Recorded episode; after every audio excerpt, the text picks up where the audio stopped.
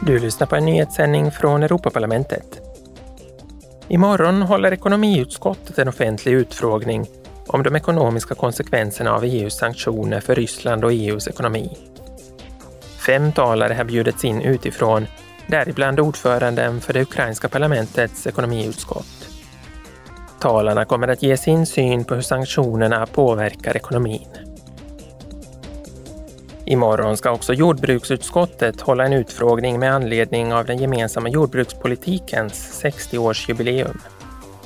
Ledamöterna tar också upp den så kallade gemenskapsordningen för växtförädlarrätt, som är den största i världen för skydd av immateriella rättigheter som gäller nya växtförädlingsprodukter.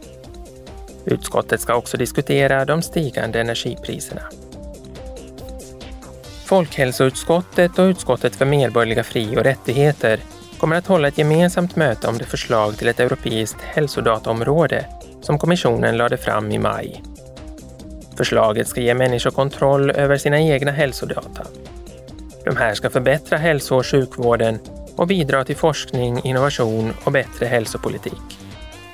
EU kommer också att se till att dataöverföringarna sker på säkrast möjliga sätt. Du har lyssnat på en nyhetssändning från Europaparlamentet.